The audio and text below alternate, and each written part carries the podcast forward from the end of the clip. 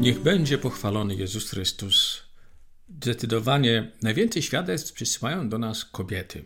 Dziś mam dla Was świadectwo od Wojtka. Zatytułował je słowami: W moim życiu nastąpiło wiele zmian. Przeczytajmy, co pisze do nas Wojtek. Piszę z uśmiechem przez łzy. Dzisiaj jest ostatni dzień intencji w mojej własnej sprawie. Wyrządziłem wiele złego pewnym osobom i obawiałem się najgorszego. Było mi wstyd, czułem pogardę do siebie i własnego losu. Ogarniała mnie złość, że skrzywdziłem kilka osób. Żyłem i funkcjonowałem źle. Modlitwa i Kościół były obecne w moim życiu, ale raczej jako przyzwyczajenie. Podobnie było ze spowiedzią. W obawie o konsekwencje czynu zacząłem się modlić o poprawę własnego losu modlitwą do świętej Rity i świętego Judy Tadeusza. Po czternastu dniach modlitwy żona podała mi książeczkę z modlitwą właśnie z nowenną pompejańską. Przyznam, że nie chodzi tu o jakąś duchową wolę, ale coś mnie tchnęło. Wcale nie myślałem o tylu dniach odmawiania, o trudnościach, o wysiłku. Po prostu wziąłem różanie do ręki i odmawiałem. I zaczęło się. Dziś jest ostatni dzień. Znów dostałem jakiegoś natchnienia. Czuję, że muszę napisać o tym, co mnie spotkało. Nie wiem jeszcze, czy intencja, o którą prosiłem Maryję, się spełni, lub czy może się spełni, ale wiem, że wiele zmian nastąpiło w moim życiu. W trakcie modlitwy mam dla Was wszystkich mój przekaz.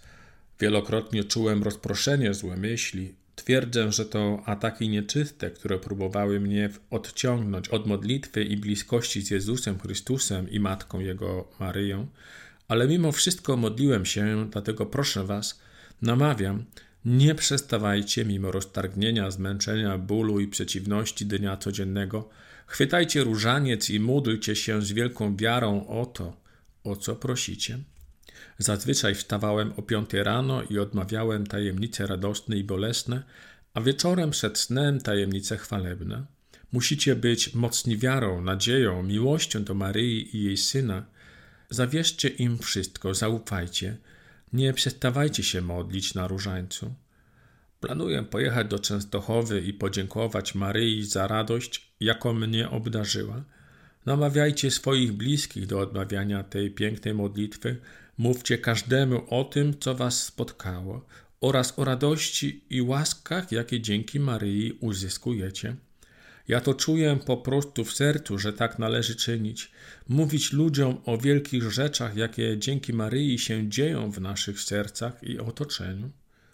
Wszystkim życzę świętej opatrzności Bożej, wszelkich łask naszego Pana Jezusa Chrystusa.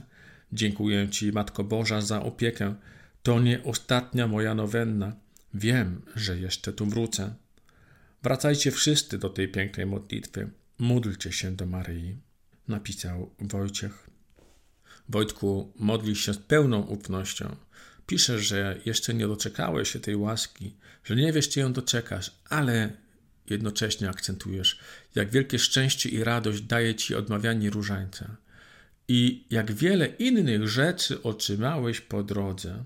Mam nadzieję, że ta łaska, o którą się modlisz, jest godna Bożą wolą i ją otrzymasz. Może to być kwestia czasu, zobaczymy. Jednak już teraz zauważasz, jak modlitwa różańcowa przemieniła Twoje życie. I też to, co jest bardzo ważne, obowiązek dawania świadectwa jest niezwykle wyraźny w Twoim liście. Sam też zachęcasz do tego innych, abyśmy dzielili się łaskami, które otrzymujemy poprzez nowennę pompejańską.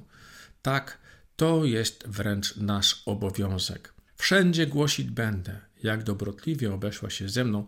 To są w końcu słowa, jakie mamy w części dziękczynnej nowenny pompejańskiej. To jest nasz obowiązek, tak więc realizujmy go. Bóg zapłać Wojtku za Twoje świadectwo. Jeśli Ty chcesz się podzielić swoim, przyślij je na adres świadectwa lub Napisz je w formularzu kontaktowym na stronie pompejańska.rosemaria.pl.